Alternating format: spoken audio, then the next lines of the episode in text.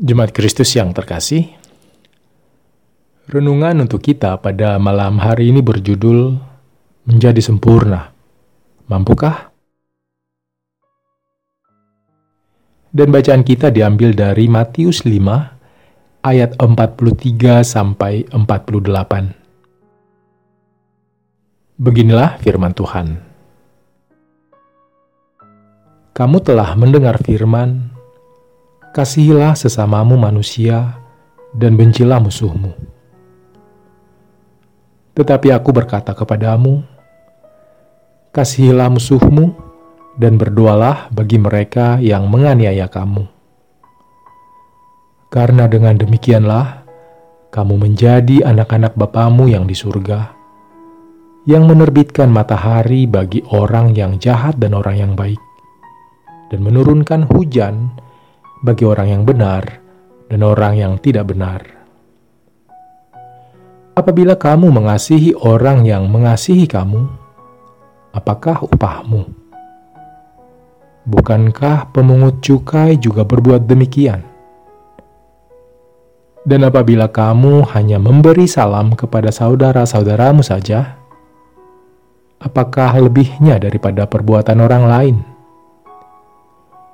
Bukankah Orang yang tidak mengenal Allah pun berbuat demikian.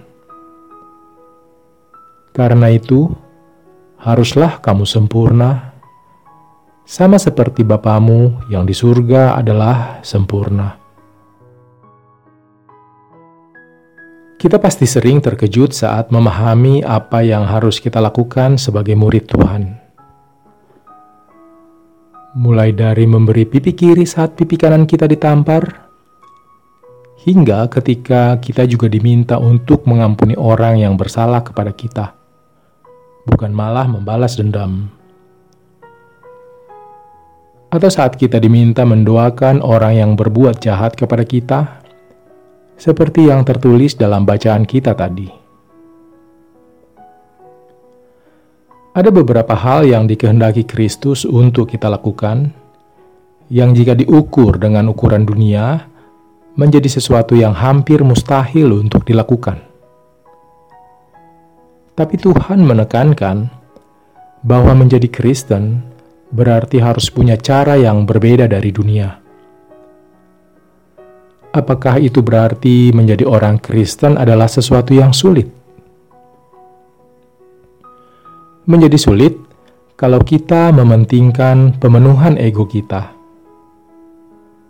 Tapi menjadi mudah jika kita mau setia belajar menuruti kehendak Tuhan.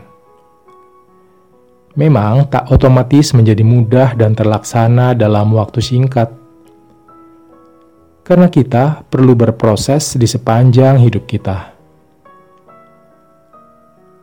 Karena itu, menjadi Kristen tidak semata hanya untuk mendapatkan serta menikmati keselamatan tapi menjadi Kristen juga memiliki tanggung jawab yang harus kita kerjakan selama hidup, yaitu semaksimal mungkin menjalani hidup yang berpadanan dengan Allah. Jadi, siapkah kita untuk berubah? Demikianlah renungan untuk malam ini.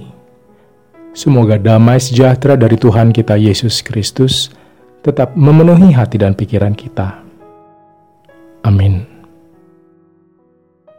Dan sekarang, marilah kita melipat tangan dan bersatu hati untuk menaikkan pokok-pokok doa yang ada dalam gerakan 221 GKI Sarwa Indah. Mari berdoa.